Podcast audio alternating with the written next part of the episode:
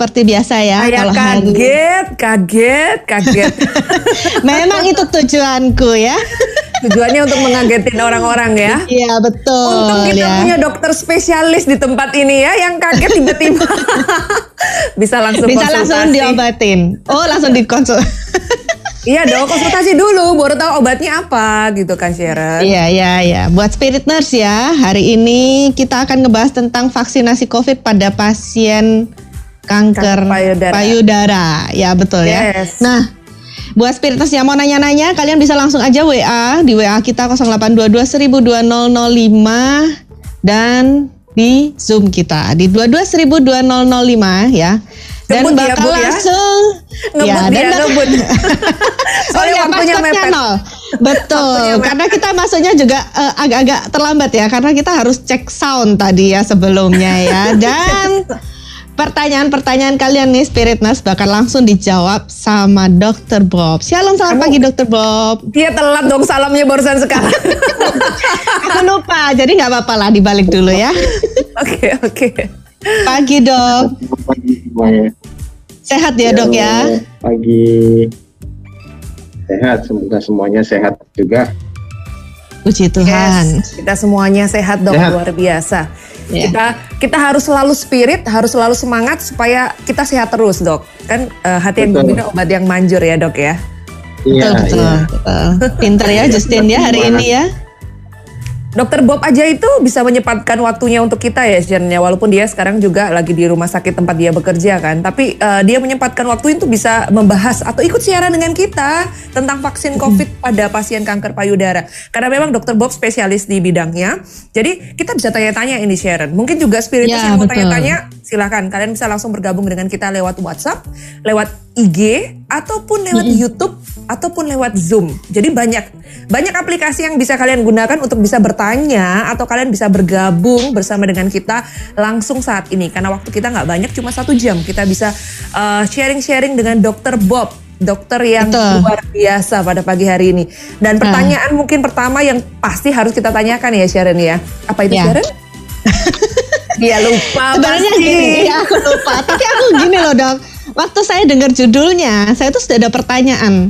Karena kan vaksinasi COVID untuk pertama kali muncul itu ada apa namanya ketentuan apa sih namanya ya screening ya katanya screeningnya Ya, untuk betul. riwayat penyakit kanker itu nggak boleh gitu loh Hmm, Itu sudah nggak jadi pertanyaan utama ya. iya Kok betul bisa? Kok bisa? Apa hubungannya vaksin sama pasien kanker payudara ini? Ya, jadi eh, untuk menjawab itu perlu dipahami dulu bahwa eh, COVID ini terjadi pada saat kita semua tidak siap ya. Jelas itu bahwa dunia termasuk dunia kedokteran eh, tidak punya pengetahuan yang cukup jelas tentang penyakit ini dan kita diharuskan untuk menanganinya dalam waktu yang sangat singkat termasuk Yes. di antaranya adalah uh, membangun atau menciptakan vaksin dalam waktu singkat yang uh, itu tidak tidak mudah dan dan tidak pernah terjadi ya vaksin Hmm. dalam waktu singkat. Mm. Jadi uh, dalam proses uh, penciptaan suatu obat atau suatu senyawa yang masuk dalam tubuh seorang manusia itu ada proses-prosesnya, proses dari laboratorium, proses dari uh, ke binatang, lalu proses ke ke kelompok manusia yang terbatas, Hmm. lalu ke kelompok manusia yang jumlahnya lebih banyak baru dinilai efikasinya artinya ke, keman- manfaatnya dan standar keamanannya. Nah, pada COVID ini kita harus berimprovisasi karena penyakitnya lebih cepat dari apa yang akan kita kerjakan. Sehingga kita ini semua dalam uji coba skala besar untuk ke manusia. Bukan Hmm. uji coba yang pertama, tapi sudah dalam dalam eh, kelompok manusia tertentu sudah dilihat bahwa memang dia mempunyai efikasi eh, masing-masing vaksin punya efikasi tersendiri ya eh, persentasenya. Mm. Lalu di- langsung dicoba di eh, manusia secara luas karena uh, emergency use ya, yeah, memakai emergency. Sehingga dalam proses itu ada hal-hal yang menjadi standar terlebih dahulu bahwa vaksin ini harus aman. Yang kedua harus bermanfaat. Hal-hal lain itu sifatnya hanya precaution, hanya uh, apa namanya tanda hati-hati saja. Tapi dalam perjalanan waktu itu kita akan belajar makin banyak data yang menunjukkan bahwa hal-hal yang dulu kita anggap itu belum bisa atau tidak bisa, bisa saja hmm. dengan perjalanan waktu dengan adanya data, oh itu ternyata aman. Jadi hmm, Uh, ini berkembang terus. Nah, pada waktu awal seperti tadi kriteria-kriteria yang disampaikan itu bukan berarti tidak boleh, tetapi kita belum punya cukup data. Hmm, ya, dalam perjalanan pasti akan berubah. Ya, kalau kita bicara tentang cancer dengan vaksin COVID, uh, ada dua hal yang yang perlu digarisbawahi yaitu satu vaksin itu tidak akan mempengaruhi um, kansernya ya yang kedua begitu juga sebaliknya kanker tersebut tidak akan berpengaruh terhadap uh, apa vaksin namanya, yang masuk ya vaksin yang masuk itu menjadi berkurang dan sebagainya hmm. jadi itu dua hal yang harus dipahami dulu uh, karena kadang uh, yang pertama tadi itu menjadi pertimbangan utama pasien bahwa takutnya vaksinnya itu mempengaruhi kansernya. Ya, ya betul. Jadi, itu yang itu yang akan menjadi uh, uh, pertama kali yang menjadi pemikiran orang-orang yang punya penyakit kanker tentu saja. Betul. Hmm. Jadi itu ya adalah hal yang yang sering uh, menjadi pertimbangan utama dan sumber ketakutan untuk uh, melakukan vaksin. Jadi, Berarti sebenarnya kalau pasien eh, pasien yang uh, punya penyakit kanker, dok, uh, kalau seperti yang dokter sudah sampaikan tadi, berarti seharusnya nggak masalah ya mereka juga divaksin ya? Ya ibaratnya satunya tol ke Gresik, satunya tol ke Jakarta, jadi nggak ada hubungannya sebenarnya. Hmm, oke okay, oke. Okay. Berarti seharusnya sudah mulai bisa untuk uh, paling tidak kan selama ini takut ya dok ya, ada ketakutan-ketakutan seperti itu. Tapi mungkin gini dok, kalau dokter tadi bilang bahwa itu sama sekali jauh berbeda. Jadi tidak saling mempengaruhi antara vaksin ataupun dengan kankernya, antara kanker ataupun dengan vaksinnya. Tapi sekarang kan vaksin ada macam-macam ya dok ya? Ya, ya betul. Jadi seperti apa dok? Apakah memang kita harus pilih-pilih vaksin tertentu atau memang ada yang memang dianjurkan? Oh ini khusus untuk pasien kanker, yang ini untuk eh, nggak boleh gitu dan lain sebagainya. Ada nggak seperti itu dok? Ya. Jadi, walaupun kita nggak nyebut merek di sini ya dok ya, tapi kan ada beberapa kriteria vaksin kan ya? Betul. Kalaupun nyebut merek pun gak, rasanya nggak masalah karena memang terbatas itu itu aja ya. Iya.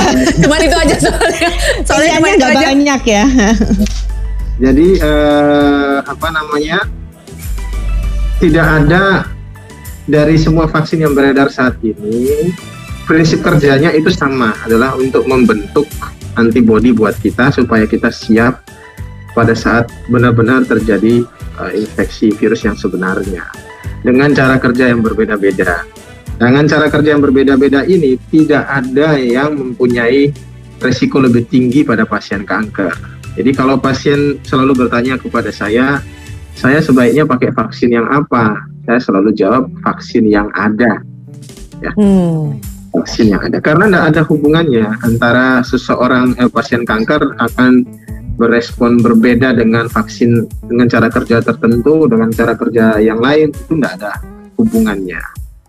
Ya. Berarti semua jenis vaksin mereknya itu aman ya dok ya untuk vaksin pasien kanker ini ya? Ya, vaksin yang ada jadi semua vaksin aman. Nah, itu perlu didengarkan dan itu akan menjadi satu sebenarnya uh, air segar. Iya, betul. Seperti dan air harapan juga ya untuk pasien-pasien kanker payudara ya terutama ya. Jadi kan kalau selama ini udah kepikiran gimana gitu ya, ah, jangan sampai betul, kalau betul, udah betul, kena betul. kanker kena Covid lagi ya kan. Tapi sebenarnya tidak terbatas hanya untuk kanker payudara kan, Dok. Uh, of semua kanker, semua pasien yang punya penyakit kanker seharusnya bisa kan divaksin. Kalau tadi dokter bilang soalnya tidak ada hubungannya antara kanker sama uh, vaksinnya ini. Vaksinnya. Jadi, uh, untuk semua kanker sebenarnya, tetapi uh, prinsipnya begini, tidak ada bahaya dalam pemberian vaksin. untuk pasien kanker. Tetapi kita perlu memikirkan efektivitas pembentukan antibodi dari vaksin Hmm. yang diberikan itu pada pasien kanker yang sedang menjalani terapi-terapi tertentu. Nanti akan kita bicarakan mungkin ya, karena kan ada yang sedang kemo, ada yang sedang Ya, terapi betul. targeting. Iya, iya, betul, betul. Jadi tidak ada bahaya dalam pemberian pada kondisi pasien tersebut.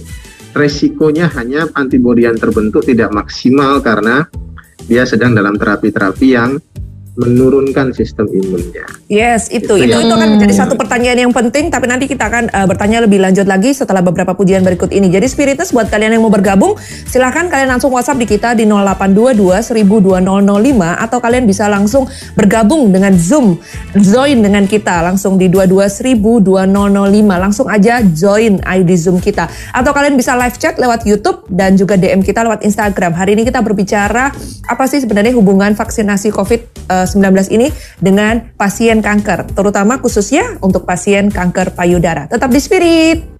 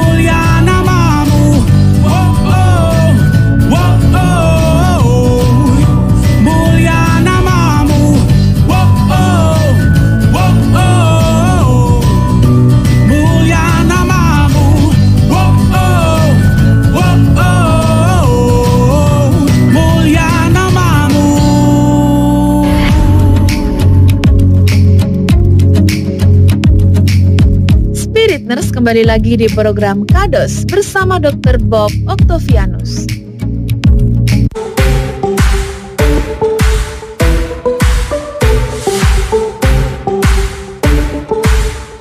Oke, balik lagi ya Spiritness ya bersama dengan Justin dan Sharon di kata Dokter Yes. Spirit pagi hari ini. Dan kita ditemani oleh Dokter Bob yang pagi hari ini juga membahas bersama dengan kita tentang apa sih sebenarnya uh, hubungannya antara vaksin COVID sama mereka yang punya penyakit kanker, khususnya di kanker payudara. Dan tadi sudah kita banyak sekali menyampaikannya, walaupun waktu sesingkat-singkat mungkin tadi Sharon ya. Tapi kita Hmm. mendapat informasi yang sangat-sangat berguna bahwa ternyata tidak masalah pasien kanker itu juga divaksin COVID-19 gitu kan. Nah, mungkin Sharon ada mau tanya tadi itu. Eh, ya kita baca WA dulu aja ya. Udah ditungguin ini ya. Oh, iya, benar, Oke. benar, benar, benar, Ada. WA Kita masuk jawab ya dari Simon ya. Saya darah tinggi 180 per 100, kenapa nggak bisa divaksin? Thank you dok. Ya, jadi eh, tentu dalam sama seperti tindakan medis pada umumnya ya, semua tindakan medis itu kan ada eh, syarat keamanannya ya. Kita mau operasi saja itu pasien harus dalam kondisi yang stabil, yang baik, eh, yang aman. Oh ya, itu betul, juga betul. pemberian vaksin. Eh, ada orang-orang dengan penyakit penyerta yang eh, yang apa namanya itu juga harus di manage ya Hmm. yang harus di manage untuk kondisinya em, seperti orang hipertensi diabetes itu harus terkendali ya jadi Hmm. em, sama seperti tindakan medis pada umumnya kalau seorang punya penyakit penyerta lain penyakit kronis yang perlu distabilkan ya harus stabil dulu baru menerima suatu terapi medis yang standar. Ah, hal ini untuk mengurangi komplikasi uh, memastikan bahwa pasien dalam kondisi tubuh yang fit untuk menerima uh, suatu tindakan medis ya. Rasanya standar saja seperti itu ya dan 180 itu kan pasti tidak normal jadi uh, itu juga bagian dari banyak orang tidak paham bahwa ada kondisi-kondisi penyakit yang memang mengharuskan minum obat rutin Ya, Hmm. dengan adanya vaksin ini baru mereka tahu oh ternyata saya ini hipertensi dan tidak bisa cuma minum obat satu minggu dua minggu selesai saya Iya. harus minum obat rutin Iya, Itu biasanya soalnya kalau yang mereka hipertensi kan punya obat sakti ya, Dok namanya. Jadi kalau tensinya udah normal biasanya eh, oh ya aku udah Berhenti. normal ya udah berhenti gitu. Padahal enggak ya, Dok ya. ada ada ketakutan kalau minum obat ter rutin ginjal kenapa kenapa justru kalau hipertensi itu tidak terkendali ginjal bisa bermasalah Oh, betul. Hmm. betul, betul. Jadi itu adalah pemikiran yang kurang tepat yang sudah beredar tapi intinya untuk vaksin sama dengan tindakan medis lain kondisi penyakit dasar semuanya harus di di apa namanya Ditangani dulu ya, ya. kendalikan. Dan Masalah tensi ini dulu waktu awal-awal vaksin itu malah cut pointnya 140 Mm-mm. tapi dengan perjalanan waktu kan kita tahu bahwa oh eh, apa namanya ya banyak hal yang kita modif atau kompromis dalam kondisi eh, kondisi emergensi ya. Hmm, Jadi Betul. sekarang cut point-nya adalah 180. Kalau dulu 140 di atas 140 nggak boleh. Sekarang Hmm. nggak boleh. Sekarang sudah aman gitu ya dok ya. Ya berarti Ya. buat Simon ya. Memang ini untuk kebaikan dirimu sendiri gitu ya maksudnya ya. Biar vaksinnya nggak malah membahayakan kamu gitu. Makanya kenapa nggak boleh itu tadi ya. Nah tadi kita sempat bahas nih ya Spirit Nurse tentang dokternya sempat eh, apa namanya? Eh, Namanya apa coba? Me- me- me- me- me- me- apa ya itu ya? Iya, saya lupa lagi ya. sempat menyinggung sedikit. Nah, menyinggung sedikit tadi ya. Kalau pasien kanker payudara biasanya kan ada kayak kemo, kemoterapi. Nah, itu katanya kan dokter bilang tadi eh apa itu eh, tidak bisa terbentuk antibodi ya, Dok ya. Memang kalau pada pasien kanker payudara itu kalau lagi kemo berarti nggak bisa terbentuk antibodinya seperti itu, Dok. Soalnya kemo kan otomatis dia pasti akan menghilangkan s- semuanya sebenarnya sel-sel baik, sel-sel anu yang jahat. Oh, berarti termasuk dari vaksinnya dihilangkan juga ya, gitu. Eh, Iya, jadi sebenarnya bukan seperti eh, apa namanya eh, murni seperti itu. Jadi pasti terbentuk antibodi, tetapi Mhm.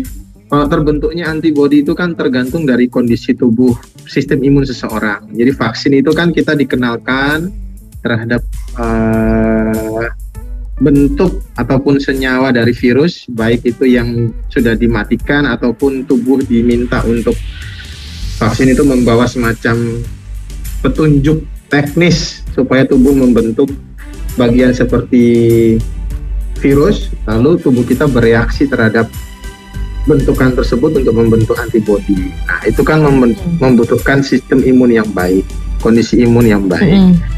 Dan eh, pada pasien-pasien yang sedang menerima terapi cancer, terutama yang eh, menurunkan sistem imun, kita eh, berpikir bahwa eh, proses itu bisa tidak maksimal. Jadi tidak ada bahayanya sebenarnya. Bahayanya hanya uh, antibodi yang terbentuk itu tidak maksimal, ya. Hmm.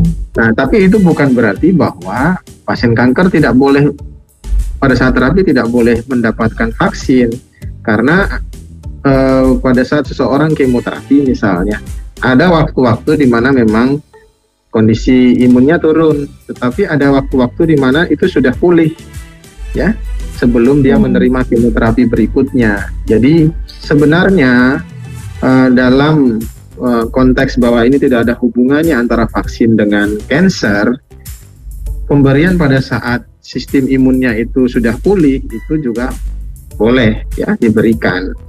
Pada terapi-terapi yang tidak menurunkan sistem imun eh, terlalu dalam ya seperti orang sedang radiasi atau orang sedang targeting terapi itu pun boleh diberikan. Pada orang yang kemoterapi ataupun terapi-terapi yang menurunkan imunnya sebenarnya juga boleh diberikan vaksin tetapi antibodi yang terbentuk tidak akan maksimal. Tapi pada emergency use, pada penggunaan emergency, masih jauh lebih baik seorang terbentuk antibodi separuh misalnya ya, Hmm. gambarannya begitu, daripada tidak sama sekali apabila angka kejadiannya itu tinggi, ya, angka kejadian COVID-nya naik tinggi, Hmm. eh, drastis di mana eh, apa namanya kejadian tiap harinya tinggi maka pemberian pada pasien-pasien yang kemungkinan membentuk antibodi tidak maksimal itu masih jauh lebih baik daripada dia tidak menerima vaksin sama sekali. Jadi tidak ya, ada betul. hubungannya dengan bahaya terhadap pasien tersebut ya. Hanya Hmm. resikonya adalah dia tidak membentuk antibodi yang cukup itu aja. Eh, kalau tidak membentuk antibodi yang cukup sebenarnya kalau untuk pasien kanker itu dok, apakah mereka itu harus melakukan booster lagi? Karena eh, antibodi yang belum ah, dalam tanda kutip belum sempurna kan? Apakah perlu dilakukan booster? Mungkin lebih cepat daripada kita yang pada umumnya boosternya sekitar enam bulan gitu dok. Jadi uh, booster atau tidak itu pun sampai sekarang belum ada kepastian ya. Jadi yang menjadi pas menjadi prioritas utama adalah sekarang semua orang mendapatkan vaksin utama dulu ya. Jadi itu yang paling penting. Nah, begini, pada negara-negara di mana vaksin itu tersedia dengan sangat cukup, maka pasien-pasien yang imunnya rendah pasien-pasien kanker, pasien-pasien HIV itu malah menjadi mendapatkan prioritas utama karena Hmm. ketersediaan vaksinnya itu bisa untuk seluruh masyarakatnya ya. Tetapi pada kondisi-kondisi seperti di Indonesia atau negara lain yang eh, demand vaksinnya itu lebih banyak daripada supply-nya, maka yang menjadi prioritas adalah orang-orang yang diharapkan dengan dia mendapatkan vaksin, dia membentuk antibodi yang cukup, yang maksimal. Dengan cara ini, maka sebenarnya begini, orang yang kuat melindungi orang yang lemah dengan cara dia mendapatkan vaksin terlebih dahulu. Ya. Hmm, betul. Hmm. Dia mendapatkan vaksin terlebih dahulu, jadi eh, orang-orang yang kuat, orang-orang yang aktif, ya yang hidup ini kan harus berjalan ya. Jadi orang-orang yang Hmm. kuat, orang-orang yang aktif mendapatkan vaksin terlebih dahulu sehingga herd immunity ini tercapai dengan cepat. Betul. Itu adalah ber- berkaitan dengan skala prioritas. Pertimbangannya adalah demand dan supply dari vaksinnya. Itu kenapa yang disuntik dulu adalah orang-orang yang yang kalau di Indonesia ya orang health worker, eh, Hmm. pekerja pu- publik ya orang eh, lansia waktu itu kan belum ya, tapi setelah Hmm. itu eh, menjadi salah satu prioritasnya karena mungkin dianggap vaksin sudah cukup ya. Sekarang semuanya dan saya rasa pun vaksinnya belum kalau bicara rasio dengan jumlah masyarakat kita saat ini belum cukup, tetapi Iya, dalam benar, perjalanan waktu diharapkan supply itu akan datang terus. Prinsipnya begitu, kalau kita kurang vaksinnya, maka yang kuat dulu divaksin supaya antibodinya terbentuk maksimal, virus ini cepat hilang. Ya. Iya benar. Yang yang Saya- itu, yang rentan-rentan itu dilindungi. Iya, Ibaratnya saya gini, jadi sekarang banyak sekali orang orang yang sakit, orang tuanya sakit bukan karena orang tuanya keluar rumah, tetapi karena dia yang keluar rumah pulang membawa pak- membawa virus. Iya betul. Hmm. Itu yang paling sering terjadi. Jadi orang tua itu harus dilindungi dengan orang yang aktif ini harus harus punya harus tervaksin ataupun kalau dia sakit durasinya pendek karena dia sudah divaksin dan durasi penularannya juga pendek. Hmm. Iya benar-benar. Itu kira-kira. Kalau Justin jadi inget eh, kalau kita naik pesawat ya biasanya ya eh, Sharon ya. Kalau kita naik pesawat kan biasanya kalau diberikan pengumuman atau informasi gitu kan, kalau Hmm. oksigen turun kita harus pakai dulu, baru kita bisa nyelamatin anak kita. Sama Oh. seperti vaksin. Pasti gitu juga kan. Kita harus yang aktif dulu supaya kita juga nggak nularin mereka yang sudah berumur atau orang tua orang tua. Ya gitu ya kan. betul betul Cuman ada betul. beberapa kali Justin denger ya dok ya. Kan eh, vaksin yang sekarang lagi beredar, itu kan ada yang eh, virus yang dimatikan, ada yang tadi dokter sampaikan ada beberapa partikel dari virus dan juga ada virus hidup yang dilemahkan. Nah, ada vaksin vaksin eh, virus hidup yang dilemahkan ini, itu kan kadang menjadi pertanyaan juga eh, dengan orang-orang yang punya pasien atau orang-orang yang punya penyakit yang cukup eh, darurat gitu kan dok. Karena mereka berpikir kalau aku divaksin eh, virus hidup yang dilemahkan jangan-jangan virusnya jadi kuat tapi karena kita kan yang lagi lemah gitu kan. Jadi virusnya tiba-tiba eh, mereka yang jadi sakit mereka yang ikut yang jadi terjangkit covid dan lain sebagainya gitu. Ada nggak seperti kayak gitu risiko-risiko yang bakalan terjadi dok?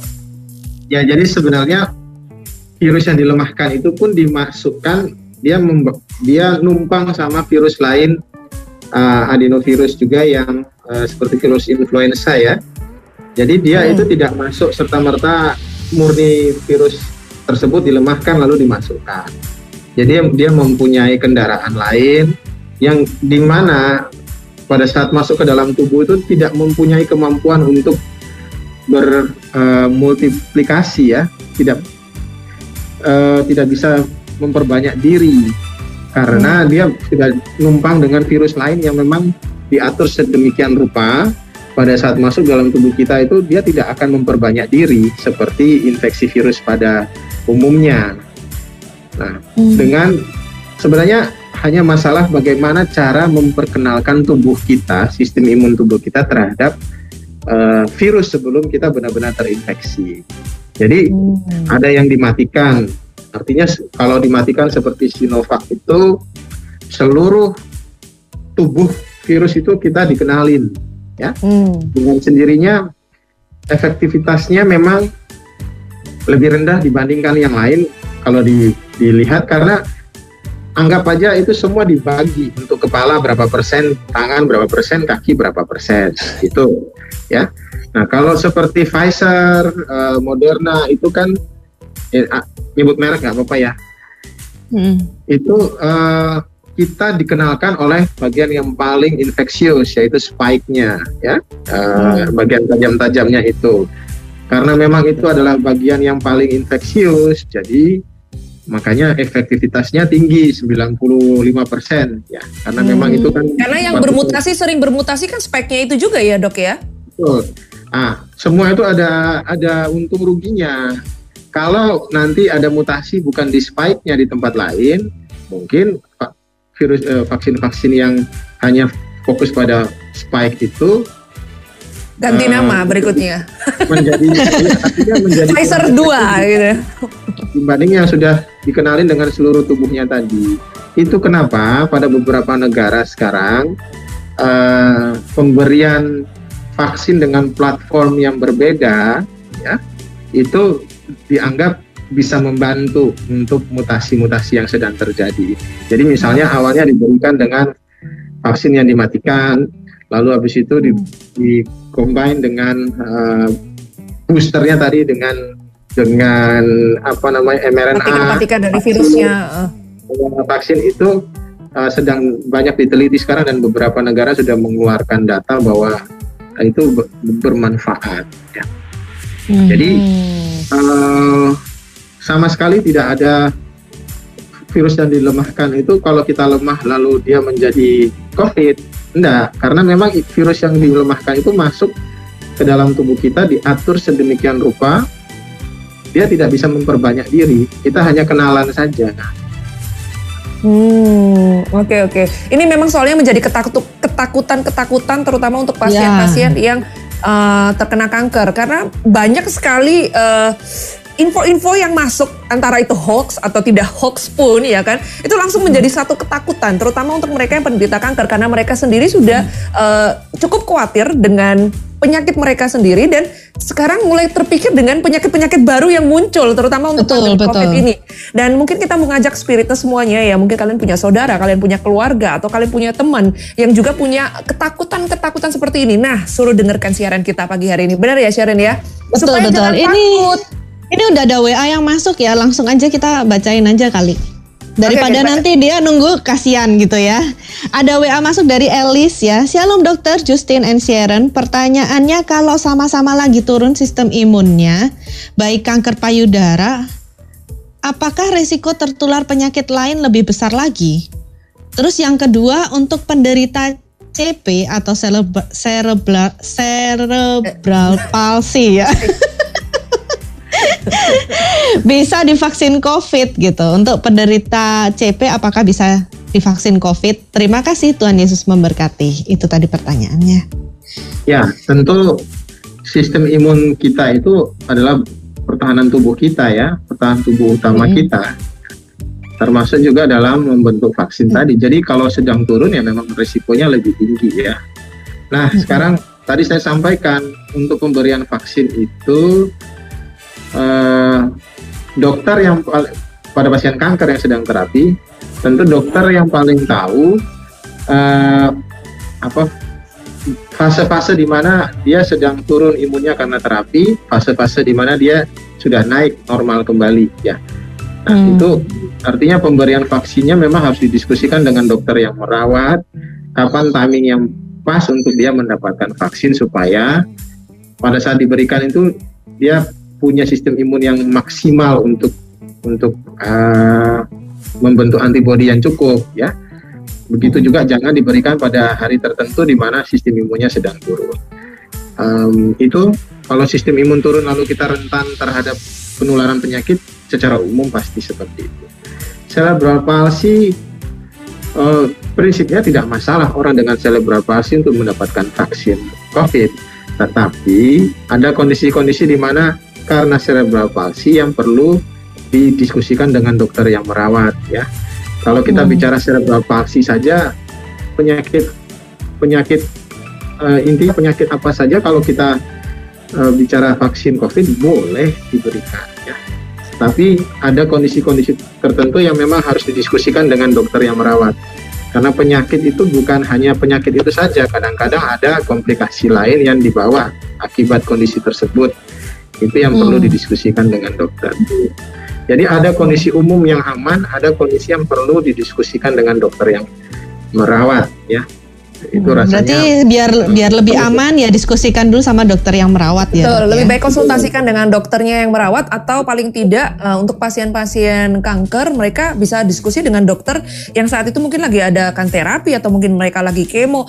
Jangan-jangan nanti eh, mereka yang pasien kanker sekarang sudah dapat ini kan angin segar. Wah, kita bisa vaksin gitu kan. Terus mereka lagi berpikir lagi, tapi kalau kita di sana terus berkumpul dengan orang-orang yang mungkin dalam tanda kutip mereka juga ada OTG dan lain sebagainya bisa-bisa nanti ikut tertular gitu kan. Bingung juga akhirnya mereka. Tapi kita akan bahas beberapa saat ini Nah, eh, beberapa saat lagi nanti, beberapa saat ini, beberapa saat lagi setelah beberapa pujian berikut ini. Tetap di Spirit.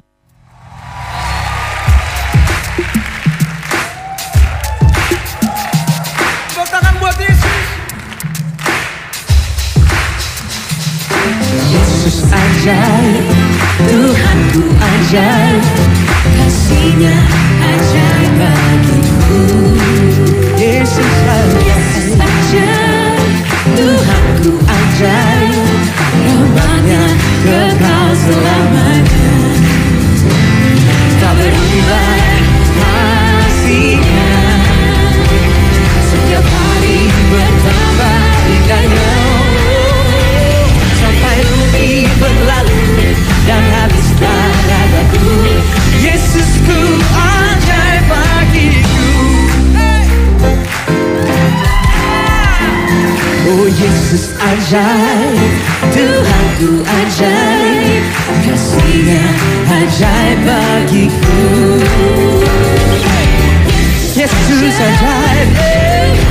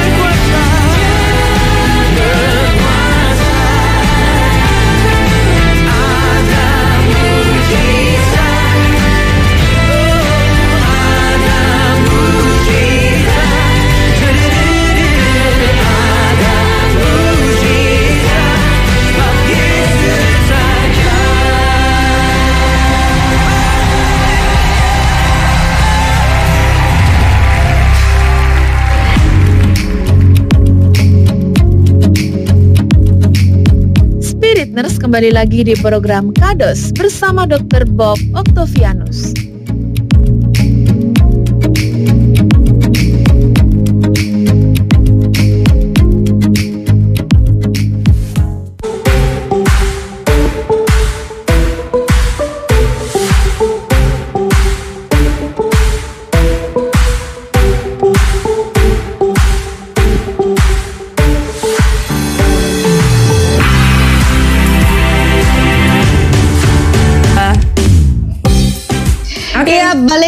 Lagi ya di Kados dan tetap barengan sama Sharon, Justin dan tetap masih ada Dr. Bob yang bisa menjawab pertanyaan-pertanyaan kalian Spirit Nurse ya. Yes, masih ada Dan waktu kita nggak banyak. Betul. Ya, biasanya kalau udah kurang 15 menit gini sama Justin biasanya dokternya udah suruh crossing gitu ya. Kalau kalau ini penting soalnya belum selesai kita membahas. Jadi masih dikasih kesempatan ya. Nah, Buat Spirit Nurse kalau gitu yang mau gabungan masih bisa waktu kalian tinggal sedikit lagi ya. Kalian Yes. bisa lewat WA di 0822 Jangan lupa formatnya nama spasi umur, spasi L buat yang cowok, P buat kamu yang cewek ya. Spasi pertanyaan kalian tentang vaksin COVID pada pasien pada penderita kanker payudara nih hari ini kita ngebahasnya ya. Jadi buat Yes. Nurse yang punya keluarga mungkin ya kan yang mau ditanya-tanyakan kalian bisa bertanya di tempat ini ya di Zoom kita di 22.2005 jangan lupa passcode-nya 0 ya dokternya nanti yang bakal ngejawab langsung Zoom kalian Nggak mungkin kita soalnya yang jawab ya. Kalau kita sesat, kalau- doksat Heeh. nanti jadinya. kita bisa eh, gelagapan kali ya kalau ditanya ya. nah ini loh dok, saya itu ada pertanyaan dok. Tadi kan dokter tuh eh, bolak-balik kayak ngasih tahu pada pasien-pasien kanker tuh kayak ada eh, waktu-waktu tertentu kapan eh, imunnya lagi turun, kapan imunnya lagi naik. Nah itu kita bisa lihat di mana ya dok waktu imun kita itu yang terbaik gitu. Apakah ada kayak eh, pemeriksaan lab atau Atau dari ya benar hasil-hasil lab kita bisa lihat oh kita nih lagi imunnya naik. Oke, kita berarti waktunya vaksin. Bisa ya kayak gitu, Dok? Hmm. Ya, jadi eh, paling utama prinsip adalah eh, vaksin ini jangan sampai menunda terapi kanker. Itu penting, prinsip utama ya. Karena pandemi ini akan berlalu, tetapi cancer itu adalah sesuatu yang akan kita hadapi, harus kita evaluasi bertahun-tahun setelah pandemi ini berlalu ya. Jadi vaksin itu tidak boleh mengganggu terapi cancer yang sedang berjalan. Itu di mana pun disepakati seperti itu. Nah sekarang kita kembali kepada uh, terapi ke- kanker payudara itu ada lima ya pembedahan, radiasi yang merupakan terapi lokal dan sistemik atau dalam darah itu adalah kemo, targeting terapi dan hormonal terapi. Kita bagi satu-satu. Kalau masalah pembedahan itu tidak masalah ya kita memberikan uh, vaksin uh, sebelum ataupun sesudah pembedahan itu tidak masalah. Bahkan saya mempunyai pasien yang pada saat dia selesai vaksin pertama, dia kontrol pertama kali ke ke rumah sakit, bertemu saya dan ternyata memang ada cancer. Dia bertanya, apakah saya harus operasi nunggu vaksin kedua atau gimana? Saya sampaikan bahwa, enggak, operasi sekarang. Jadi nggak perlu nunggu karena masih dua minggu lagi vaksinnya. Hmm. Jadi tidak tertunda. Jadi setelah vaksin pertama dia operasi, setelah operasi dia vaksin yang kedua. Dan itu ada beberapa pasien seperti itu. Artinya eh, vaksin ini jangan sampai menunda terapi kanker yang harus dilakukan. Ya. Kalau radiasi pada umumnya itu tidak bermasalah terhadap sistem imun. Jadi pasien sebenarnya boleh vaksin selama radiasi. Tetapi karena ada orang-orang tertentu yang berespon sedikit berbeda dengan radiasi, hal ini tidak bisa dijadikan eh, dipukul rata ya. Itu kenapa penting didiskusikan dokter dengan dokter yang merawat apakah pasien yang sedang radiasi ini masuk dalam kondisi kebanyakan orang yang memang tidak masalah untuk vaksin atau dia perlu di backup lah atau perlu di di apa perbaiki dulu kondisinya. Sekali lagi bukan karena vaksinnya akan berbahaya, tetapi supaya efektif. Lalu eh, targeting terapi secara umum tidak masalah ya pada pasien-pasien yang mendapatkan Herceptin, eh, terapi antibodi untuk cancer itu aman untuk diberikan eh, apa namanya vaksin. Lalu pasien-pasien yang sedang minum terapi hormonal, eh, pil terapi hormonal seperti tamoxifen ataupun Femara, Letras dan sebagainya itu boleh langsung vaksin. Untuk kemoterapi, kemoterapi itu eh, hal yang perlu didiskusikan dengan dokter dengan mempertimbangkan kondisi COVID pada saat itu. Ya, jadi kalau pada saat itu COVID sedang tinggi sekali, beresiko sekali, maka sebenarnya pasien boleh diberikan vaksin. Tetapi pada kondisi-kondisi di dalam siklus kemoterapi yang dilihat bahwa kondisinya sudah fit. ya. Karena kemoterapi untuk cancer itu kan pada umumnya jaraknya tiga minggu sekali atau empat minggu sekali. Ya, ada waktu-waktu di mana dalam tiga minggu itu kondisi pasien sudah fit untuk menerima kemo. Nah itu yang perlu melihat adalah dokter. Jadi tidak bisa uh, pasien memeriksa sendiri dengan lab ataupun menyimpulkan sendiri bahwa saya sudah aman untuk vaksin. Ini Nah, masuk betul. dalam kondisi di mana kondisi khusus yang pada pelaksanaannya perlu penilaian dokter yang merawat, bukan diputuskan uh, sendiri. Nah, itu berarti berbahaya ya, Sharon ya. Berbahaya banget buat eh, pasien-pasien kanker untuk eh, meneliti sendiri atau menelaah sendiri. Oh, ini sudah waktunya saya vaksin. Nggak, siapa tahu gini loh. Oh setelah dengerin kados kan, oh waktunya gini. Oh ya udah gitu. Dia dia mikir-mikir Kebetulan hari gitu ini ada kan. vaksin ya. Ah, kelihatannya, oh kelihatannya aku bisa ini. Berarti masih belum boleh kayak gitu ya dok ya. Paling nggak harus ada penilaian dari dokter karena yang dinilai kompleks ya banyak gitu ya maksudnya ya. Ya betul. Jadi tetap Banyak harus dikonsultasikan. Ya, biasanya biasanya pasien pada pasien kanker kalau vaksin itu sebaiknya membawa surat rekomendasi dari karena masuk dalam masih ma- masih dianggap sebagai kondisi khusus Hmm. maka sebaiknya membawa surat rekomendasi dari dokter yang merawat bahwa tidak ada kontraindikasi untuk diberikan vaksin saat ini sehingga eh, petugas yang memberikan vaksin itu juga eh, tidak ada pertanyaan lagi begitu. Hmm. Hmm, betul. Iya betul, iya iya. iya. Jangan-jangan Nah, ya terakhir. waktu eh, jangan-jangan waktu menuju ke tempat vaksin sudah ngantri, udah lama lagi ngantrinya gitu kan? Hah? Ditolak. Nah iya itu. Jadi kalian Bisa kalau dengerin in, pagi ini ya, kalian harus menyiapkan surat rekomendasi dari dokter yang merawat spirit nurse ya. Yes, konsultasi dulu Oke. lah paling tidak dengan dokter yang merawat kalian. Jadi kalian Nah, paling ya- tidak tahu gitu kan. Oh, ini sudah waktunya atau belum dan minta surat rekomendasinya. Ya, nah yang terakhir dok, saya mau nanya dok, kan kadang kalau misalnya untuk pasien-pasien kanker payudara itu kan kenanya salah satu ya dok ya di sebelah kanan atau sebelah kiri. Nah itu ada nggak dok ketentuan untuk menye- menyuntiknya itu yang boleh disuntik kayak eh, kan biasanya kita kan di lengan ya dok ya nyuntik vaksinnya ya. lengan dok, ya? sebelah kiri atau lengan sebelah kanan gitu. Nah betul, Eh, iya dok. Ada nggak dok kayak gitu? Ya, jadi eh, penting sekali em, itu pertanyaan bagus ya. Jadi eh, sebaiknya di lengan sisi yang tidak dioperasi atau tidak ada kansernya. Terutama kalau kalau pasien setelah operasi kan ada resiko untuk namanya lymphedema, bengkak lengan kalau ada reaksi radang atau reaksi eh, met- yang menyebabkan metabolisme tinggi di sisi lengan tersebut. Eh, Kadang-kadang juga bisa menyebabkan adanya pembesaran kelenjar. Karena reaksi dari vaksin itu bisa mengaburkan kalau disuntikkan di sisi yang ada kansernya ya. Jadi sebaiknya di sisi yang yang yang sehat. Sehat. bagaimana kalau kalau bagaimana kalau kanan kiri itu eh, bagaimana kalau kanan kiri itu cancer ya kan ada pasien-pasien dengan bilateral cancer kankernya kanan kiri maka nah, dan sudah dioperasi maka harus didiskusikan dengan dokter sisi mana yang lebih re- relatif lebih Aman. sedikit Aman. lebih, lebih aman re- eh, resikonya atau bisa dilakukan di di tempat lain untuk vaksinnya. Bisa di paha bisa di bokong ya.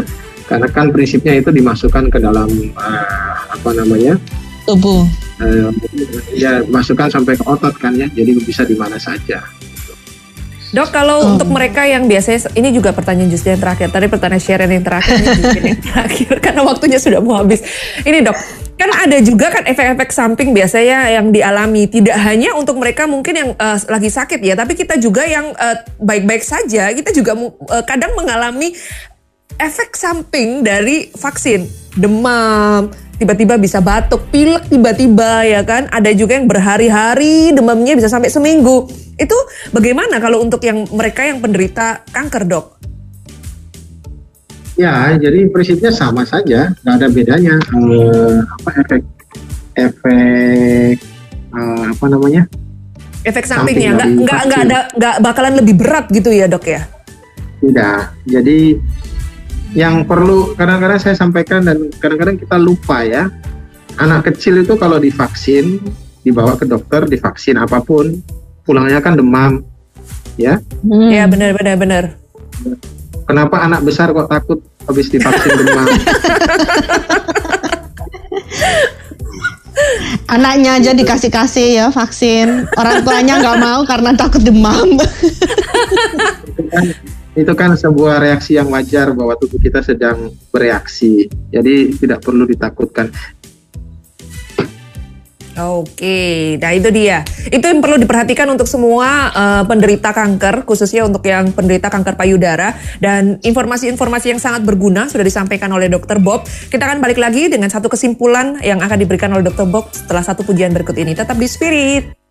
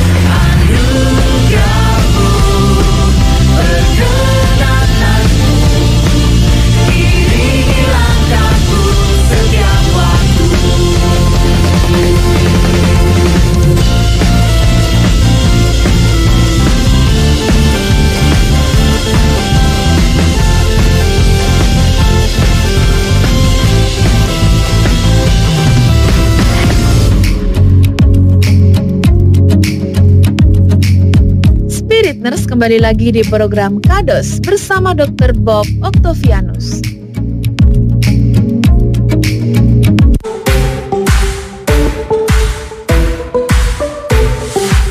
Oke, okay, balik lagi bersama dengan Justin Sharon dan Dr. Bob pada pagi hari ini. Akhir kata kita mau ucapin, eh, belum ya Sharon?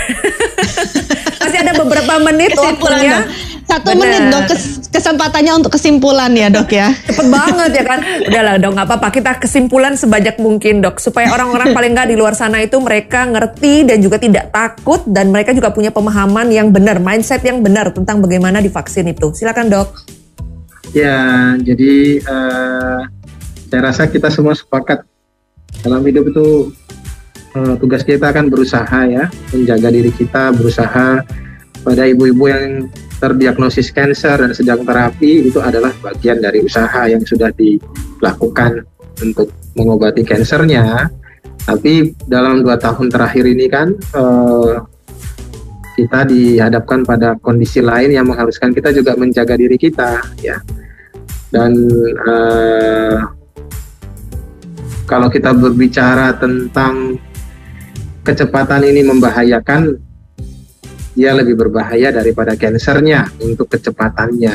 Karena dalam hitungan beberapa hari saja seseorang bisa dari kondisi yang sehat-sehat menjadi terinfeksi dan bisa jatuh dalam kondisi berat. Sedangkan kanker itu kan proses yang lama. Ber- berkaca dari itu kita juga wajib untuk berusaha melindungi diri kita dari eh, infeksi virus ini yang yang lebih cepat eh, menyebabkan kondisi kita turun dibandingkan kanker. Ah, saya paham sekali ketakutan-ketakutannya berkaitan dengan kansernya atau eh, apakah vaksin ini akan memperburuk kanker saya dan eh, efeknya terhadap tubuh saya yang sedang terapi kanker. Tapi tadi rasanya dalam satu jam ini sudah kita bahas bahwa tidak ada pengaruhnya terhadap uh, cancer yang sedang diterapi ataupun tubuhnya ataupun resiko untuk menjadi uh, terinfeksi karena vaksin itu tidak ada. Karena kita tidak tahu kapan uh, diizinkan kita terkena atau tidak dari virus ini dan juga apakah kita masuk dalam golongan orang yang tanpa gejala atau gejala berat Uh, saya hanya berpesan bahwa sekali lagi kita juga wajib untuk melindungi diri kita dengan vaksin. Mungkin bukan untuk diri kita saja, tapi untuk orang-orang yang sekitar kita karena banyak contohnya Yes. kita tidak apa-apa tapi orang di sekitar kita yang uh, terinfeksi dari kita dan mendapatkan gejala yang lebih berat bahkan sampai meninggal. Jadi um, tidak ada masalah dengan kansernya. Kalau ada hal-hal yang perlu dibicarakan atau ditakutkan, langsung hubungi dokternya kon- konsultasi ya. Kalau dokternya tidak ada karena faktor tertentu sedang ba- overload atau memang sedang fokus untuk kesehatannya sendiri dan sebagainya, cari dokter lain untuk konsultasi karena eh, dalam kondisi seperti ini kita harus saling membantu ya, harus saling membantu, harus berani untuk memutuskan karena hitungannya hari masalah COVID itu hitungannya hari ya. Ya. Apa yang kita alami bulan ini dengan bulan depan bisa berbeda sekali kalau kita tidak menjaga diri kita mulai sekarang. Gitu. Karena memang data-data sudah menunjukkan bahwa pada orang-orang yang terinfeksi COVID dan mendapatkan gejala yang ringan itu lebih banyak pada orang yang sudah vaksin. Ya, betul ada orang dengan setelah vaksin bisa sakit dan kondisinya berat, tapi itu persentasenya lebih sedikit, ya. Dan itu bukan bukan karena kita tidak bisa menggantungkan pada vak- vaksin saja, tapi ada kondisi-kondisi bawaan yang juga harus harus di manage ya, harus dikendalikan dengan baik. Angka kematian paling tinggi di negara-negara maju yang sudah memulai vaksin lebih dahulu, datanya menunjukkan paling tinggi adalah di eh, populasi yang belum divaksin. Hmm. Jadi saya harap kita bisa menanggapinya dengan sains, dengan ilmu pengetahuan, eh, tetap dekat sama dokternya untuk me- menjawab pertanyaan-pertanyaannya, untuk menjawab ketakutan-ketakutannya. Ya, semoga sehat semua deh. Yes, luar biasa. Kita mendorong untuk seluruh lapisan masyarakat, di mana pun kalian berada ya, entah kalian sakit ataupun tidak, kalian eh, ada terkena kanker ataupun tidak, dan berbagai alasan yang lain yang mungkin membuat kalian takut untuk divaksin, untuk kalian segera divaksin. Karena itu sangat penting sekali ya. Penjelasan Dokter Bob tadi Betul, itu sangat-sangat eh, meng- informatif buat kita yang eh, menginspirasi juga dari setiap daripada kita untuk kita mau divaksin. Karena jarak jarak kematian eh, mereka yang terkena COVID itu benar dokter Bob tadi hitungan hari dan itu jauh lebih rentan kalau kalian tidak divaksin. Jadi lebih baik kalian divaksin, kalian mengusahakan untuk menjaga kesehatan juga masing-masing. Jangan takut, jangan khawatir ya karena kalau kita takut juga drop juga kan imun tubuh kita ya benar ya Sharon ya. Lebih baik kita Iya, banyak bersuka cita, kita dengar eh, puji-pujian seperti di Spirit Nah. 24 jam mutarkan puji-pujian buat kalian semuanya. Kita membantu kalian menguatkan imun kalian supaya nggak drop. betul betul betul betul. Jangan terlalu dengerin apa kata tetangga ya. Tetangga kan bukan dokter gitu kan atau broadcastan gitu. Jadi kalau bisa kalau kalian belum yakin, yakinkan diri Anda dengan berkonsultasi dengan dokter ya. Yang pasti ahlinya gitu ya. Yang tahu pasti aman atau enggak gitu ya Iya, yang tahu juga kondisi tubuh kalian gitu kan. Jadi tidak salah untuk eh, melakukan kayak aku mau vaksin tapi ternyata kamu lagi drop gitu kan imunnya. Nah, itu perlu konsultasi banget sama dokternya. Betul. Oke deh. Sampai di sini dulu ya kados kita hari ini buat Spirit Nurse. buat Spirit Nurse. Terima kasih buat yang bergabung tadi siapa Sharon, Elis sama siapa tadi ya? El sama Simon. Simon dan terima kasih buat Dokter. Bob hari ini yang sudah Betul, menjelaskan terima kasih, hal Dr. yang Bob. luar biasa. Terima kasih Dokter Bob juga menyempatkan waktunya yang sangat-sangat eh, padat ya untuk merawat pasiennya demi untuk memberikan satu informasi yang berguna untuk semua pendengar Spirit di mana pun kalian berada. Thank you banget buat Dokter Bob, thank you banget buat Sharon dan juga Sally dan Andro yang ada di Thank belakang you, layar Justin dan Sally dan Andro. Kita semuanya untuk acara ini dapat terlaksana dengan baik. Akhir kata kita mau ucapin buat kalian keep the spirit, keep the fire and God bless you. Tuhan Yesus memberkati. Dadah. Salam sehat.